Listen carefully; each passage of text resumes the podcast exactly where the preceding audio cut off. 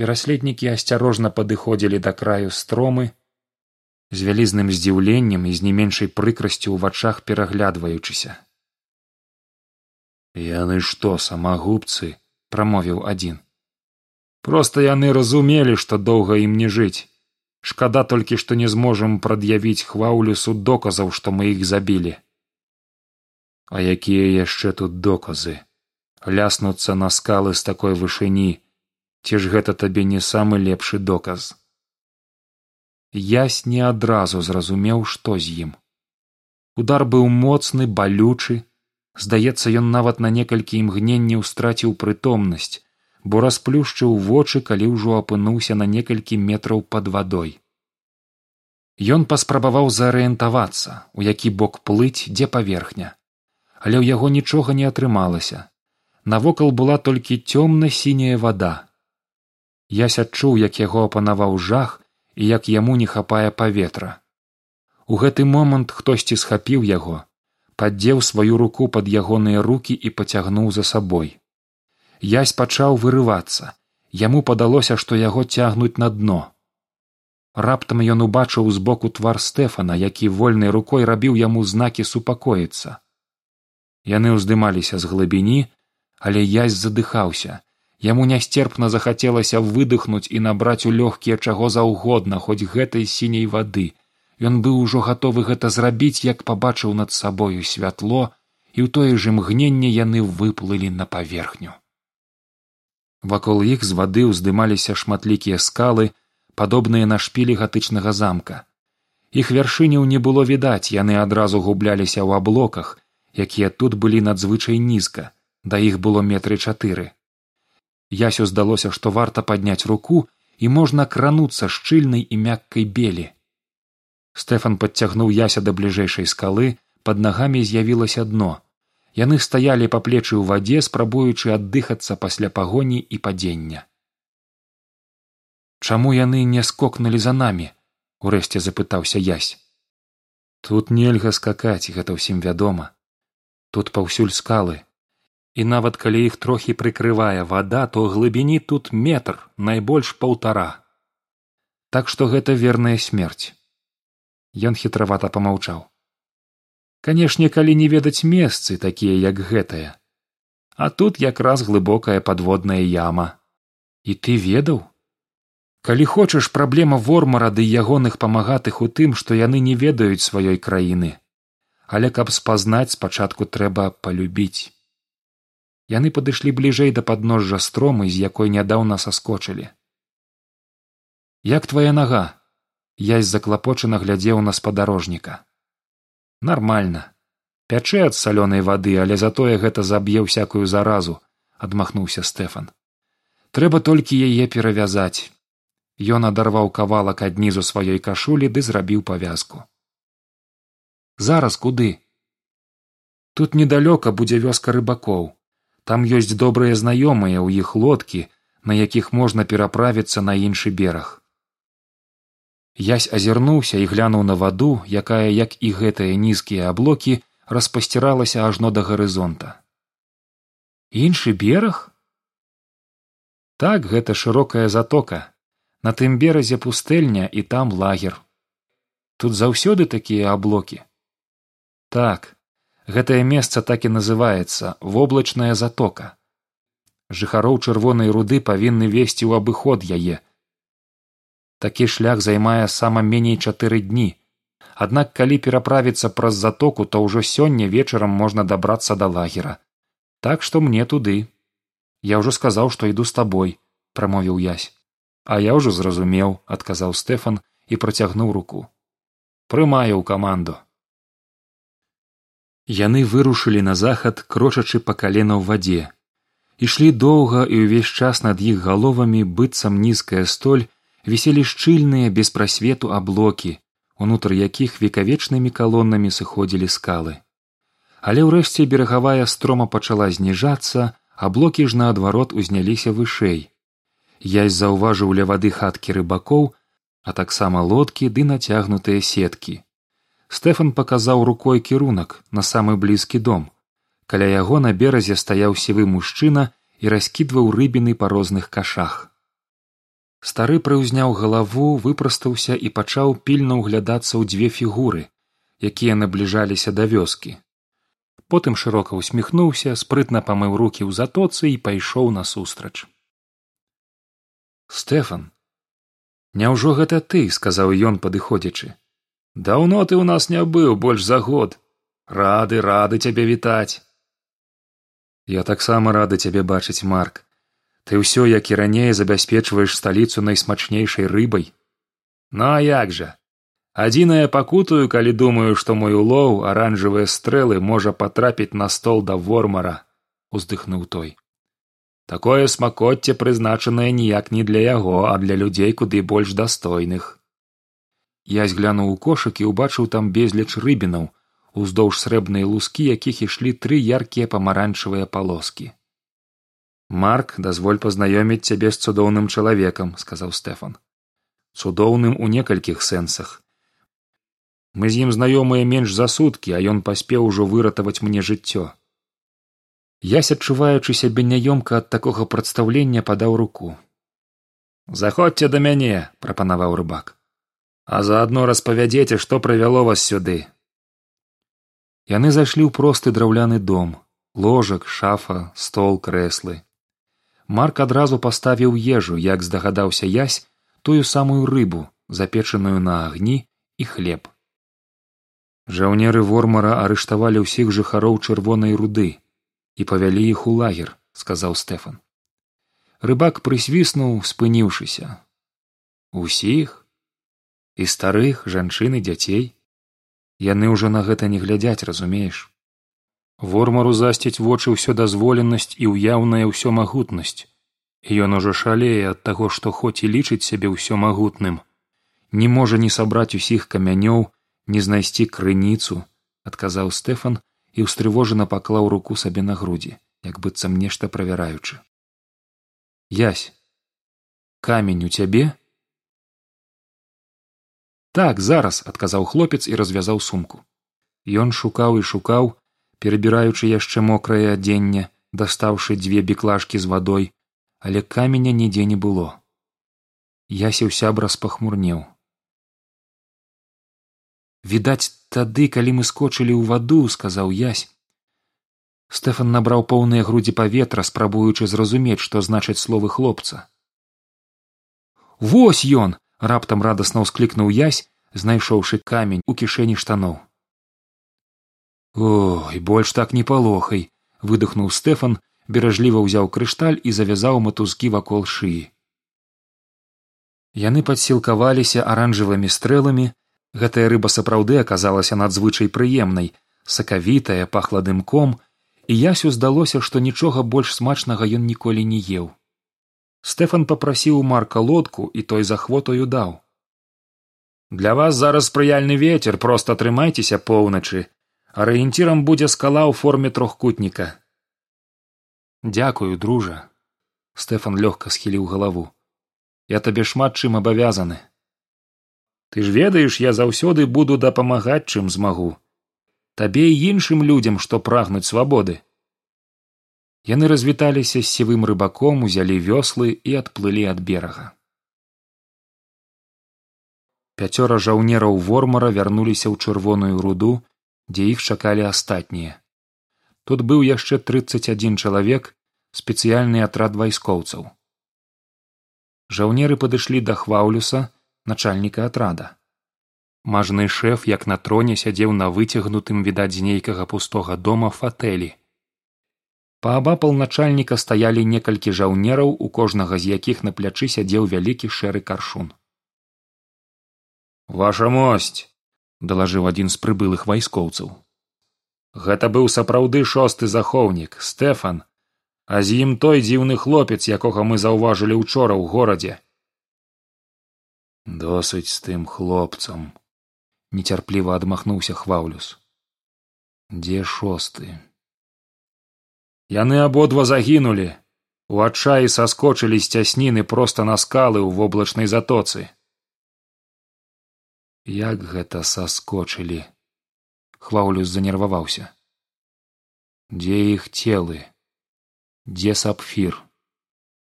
Целы дастаць не ўяўляецца магчымым спалохана адказаў жаўнер. Сапфір таксама. Чорная бародка хваўлюса затрэслася ад абурэння пульхныя шчокі пачырванелі і здавалася ён ужо быў гатовы накінуцца на свайго падначаленага як раптам суцішыўся і надзіва спакойна прамовіў твоё шчасце што стэфан не такі дурань як ты Ён бы не скакаў са стромы, калі б не быў упэўнены, што застанецца жывы. Жаўнер здзіўлена глядзеў на хваўлюса. Галоўная навіна працягнуў начальнік гэта тое, што мы высачылі шостага. Значыць, уся нашая праца была недарэмнай. Дазвольце запытацца, няўпэўнена прамовіў жаўнер. Дык што значыць шосты збег збегчы то ён збег але зразумела куды ён кіруецца туды ж куды мы адправілі непаслухмяных жыхароў гэтага гарадка у лагер. Было вельмі парна і шлях даваўся ясю нялёгка. Калі бераг знік з вачэй яму здалося што лодка застыла на месцы. Стэфан турбаваўся што яны могуць страціць кірунак але праз паўгадзіны аблокі ўзняліся яшчэ вышэй стала зразумела ў якім месцы знаходзіцца сонца і стэфан скарэктаваў курс. Замест простай лініі давялося зрабіць кут заўважыў стэфан але добра што мы ўвогуле не паплылі па коле проста нейкая геаметрыя падумаў язь слухаючы свайго спадарожніка. Быццам у школе ён узгадаў сваю школу. Як жа далёка яна цяпер была. Заняткі па геаметрыі з якой у яго заўсёды былі праблемы. А таксама мірку. Яна з'явілася ў іх класе два гады таму вясновым днём увайшла перад заняткамі разам з настаўніцай і сваім бацькам. Навучальны год павінен быў хутка скончыцца а яе сям'я якраз пераехала сюды з іншага горада. Яна новенькая адразу здалася ясю асаблівай. Вялікія сінія вочы дзве коскі і і нейкая дзіўная няўлоўная радасць ахапіла тады яся ён быў вельмі ўзрадаваны калі пасля заняткаў даведаўся што ісці да хаты ім у адзін бок па дарозе ён злаваўся на настаўніцу геаметрыі якая не давала яму спуску з гэтай зусім незразумелай навукай.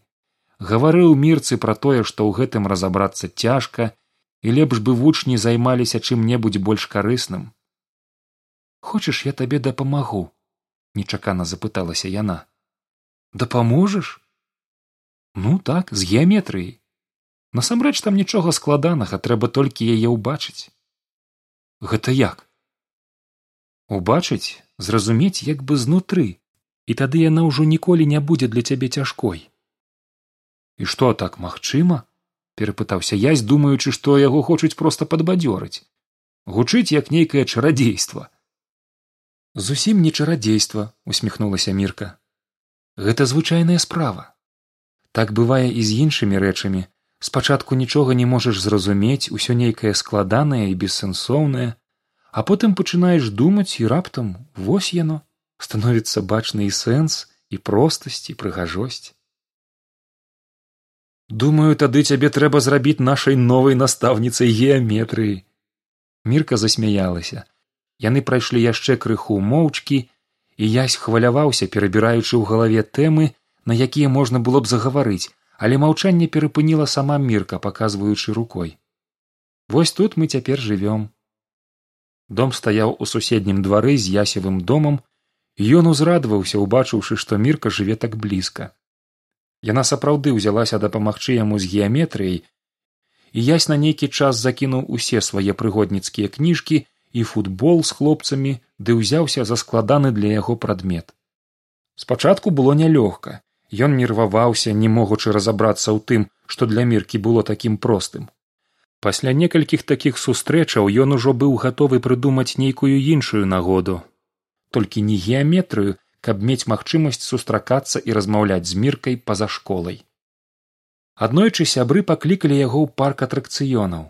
Язь вагаўся паўдня але вырашыў такі замест парка пайсці да міркі на геаметрычныя заняткі і менавіта ў гэты вечар усё што было незразумелым складаным варожым быццам склалася ў яго галаве ў выразную і зразумелую карцінку. Ва ўсім быў сэнс прыгажосць і простасць. Менавіта так як казала мірка. Калі гэтае пытанне вырашылася ясь адчуў і радасць і расчараванне. Так цяпер адной праблемай у вучобе павінна стаць меней але з іншага боку ужо не было нагоды для сустрэчаў я спачатку падумаў прапанаваць мірцы павучыць яе фехтаваць але разважыўшы зразумеў што фехтаванне не ўваходзіць у кола яе інтарэсаў. Надыходзіла лета заканчваўся вучэбны год. На вакацыі бацька звычайна адпраўляў яся ў вёску да бабулі і дзядулі а мамы яся ўжо некалькі год як не стала. Ішоў апошні дзень заняткаў такі шчаслівы дзень у годзе як і раство усе думалі пра доўгі адпачынак. На перапынках толькі і размоваў было хто што будзе рабіць летам. Я еду да бабулі ў мельнікі пачуў ясь словы міркі якая размаўляла з сяброўкай. Ён ажно падбег да дзяўчат. Куды ты едзеш? У мельнікі да сваёй бабулі. Я была там апошні раз яшчэ зусім маленькай. Звычайна бабуля з дзядулем наведвалі нас самі а зараз ім гэта ўжо цяжка рабіць і я еду да іх на цэлае лета. Не жартуеш? Я бываю там кожны год усе летнія вакацыі моя бабуля таксама там жыве. Як цудоўна узрадавалася яна. Значыць можам паехаць разам. Так і адбылося. Мірчын бацька прапанаваў адвесці яся на сваёй машыне разам з міркай. Яся ў бацька быў не супраць дом мірчыных сваякоў стаяў бліжэй да рэчкі. Ясевых амаль у цэнтры мястэчка. Яны бачыліся кожны дзень і з часам я зразумеў што лепшага сябра чым мірка ў яго ніколі не было.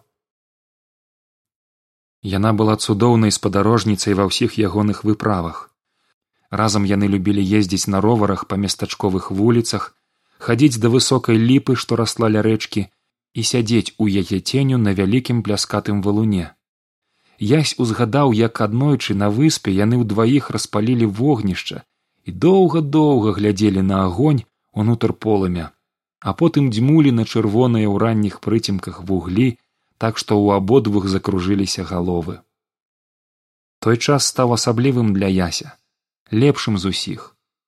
Ці мог ён тады падумаць што наступным летам апынецца так далёка ад мястэчка ад дома ад міркі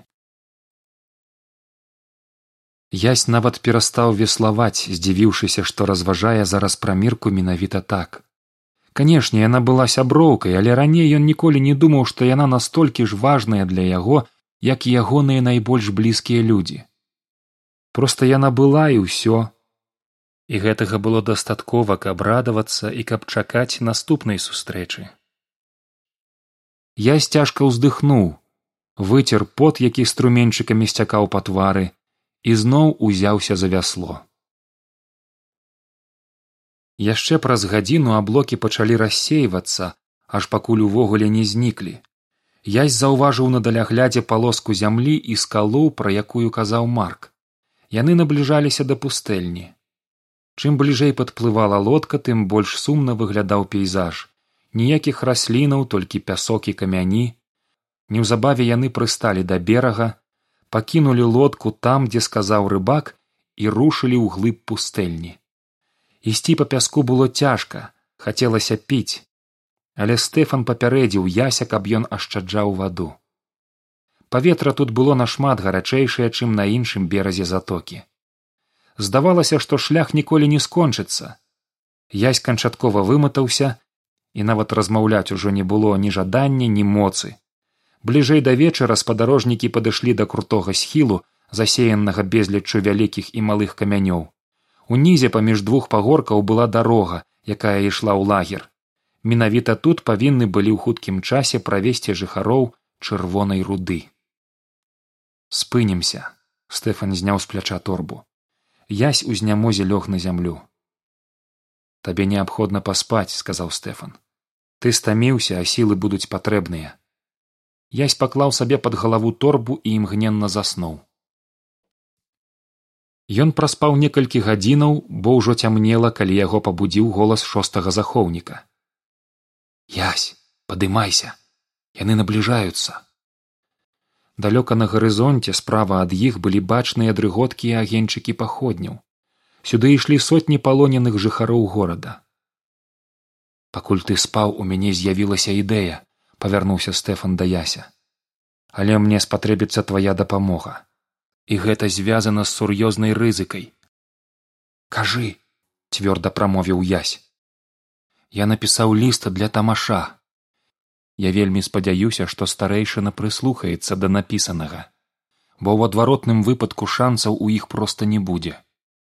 Добра я згодны перадаць ліст калі палонныя наблізяцца да нас якраз канчаткова сцямнее. Табе трэба будзе асцярожна каб не ўбачыла варта далучыцца да натоўпу і знайсці старэйшыну. Думаю што тут не павінна быць цяжкасцяў.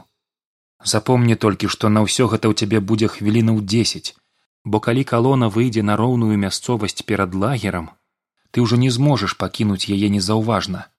Я паспрабую ў гэты час табе дапамагчы і адцягнуць увагу канваіраў я з без вагання ўзяў ліст зняў заплечнік адшпіліў ад паса кінжал і аддаў зброю стэфану.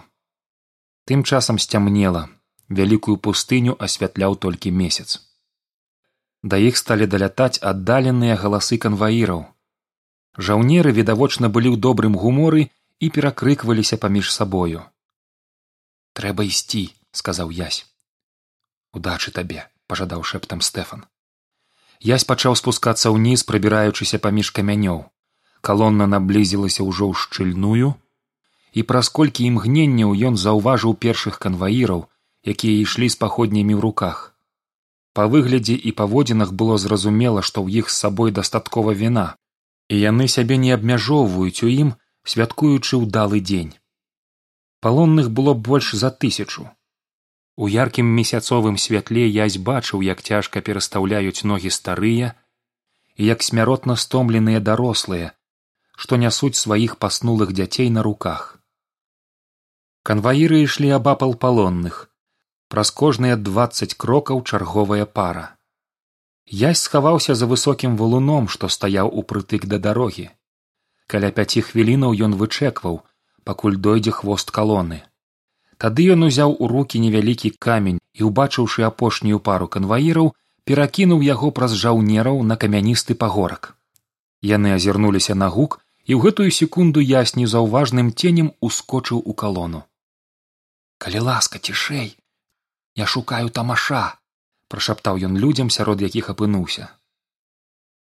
Было бачна наколькі здзіўленыя гараджане такому нечаканаму з'яўленню незнаёмца але ясю паказалі кірунак і праз пару хвілінаў ён змог знайсці таго каго шукаў. Гэта быў высокі пажылы чалавек з доўгімі сівымі валасамі і тонкім носам. Пане тамашу я ад стэфана шостага захоўніка шэптам пачаў язь я мушу перадаць вам вось гэты ліст гарадскі старэйшына ад нечаканасці на секунду прыпыніўся але затым працягнуў свой шлях. Я не ведаю дзе стэфан яго не было ў нас адказаў тамаш не ўзяўшы паперы і нават не глянуўшы на хлопца. Я з горыччу зразумеў што яму не вераць і відаць палічылі наўмысна падасланым шпегам. Калі ласка проста прачытайце гэты ліст зноў попрасіў ён. Ты не мог бачыць стэфана яго не было ў нашым горадзе. Я заўважыў што частку неба ўжо засцілаюць аблокі зараз яны закрыюць месяц і тады ніякі ліст прачытаць будзе ўжо немагчыма. Гэта вельмі важна не сунімаўся язь стэфан разлічвае на вас. Ён кажа, што гэта адзіная магчымасць вам дапамагчы паверце. Старэйшына павярнуў галаву ў бок яся і ўважліва паглядзеў на хлопца. Чаму я мушу верыць табе? Ты не мог бачыць яго. Я думаю што ён далёка і адсюль і ад чырвонай руды пагорак збоку заканчваўся. Праз некалькі хвілінаў яны выйдуць на адкрытую прастору. Я сустрэў стэфана у пячоры эйлон там дзе возера яркай вады. Бровы старэйшыны ледзь заўважна падняліся. Тамаш усё яшчэ вагаўся. Аблокі засланілі сабою частку месяца. Памарудзіўшы гарадскі галава працягнуў руку і язь перадаў яму ліст. Тамаш разгарнуў аркуш і тут сцямнела месяц цалкам знік. У яся ўсё пахаладзела ўнутры. Яны няўмольна набліжаліся да лагера. Трэба пачакаць. Так нічога не атрымаецца прамовіў старэйшына. Язь назіраў за тым як пагорак злева ад іх становіцца ўсё ніжэй і ніжэй. Вось і апошнія камяні. Як толькі яны дайшлі да іх ён пачуў грукат валуна што каціўся з гары дзесьці за імі. Стэфан спрабаваў адцягнуць увагу канваіраў і ахоўнікі і палонныя ўстрывожана азірнуліся але язь застаўся ў калоне. Пакуль ён не будзе ведаць што тамаш прачытаў ліст ягонае заданне ад якога залежыць лёс тысячы людзей не выкананае грукат сціх калона выйшла на адкрытую прастору. Ізноўку з'явілася месяцовае святло. Відаць там у небе быў моцны вецер. Старэйшына пачаў прабягаць вачыма напісанае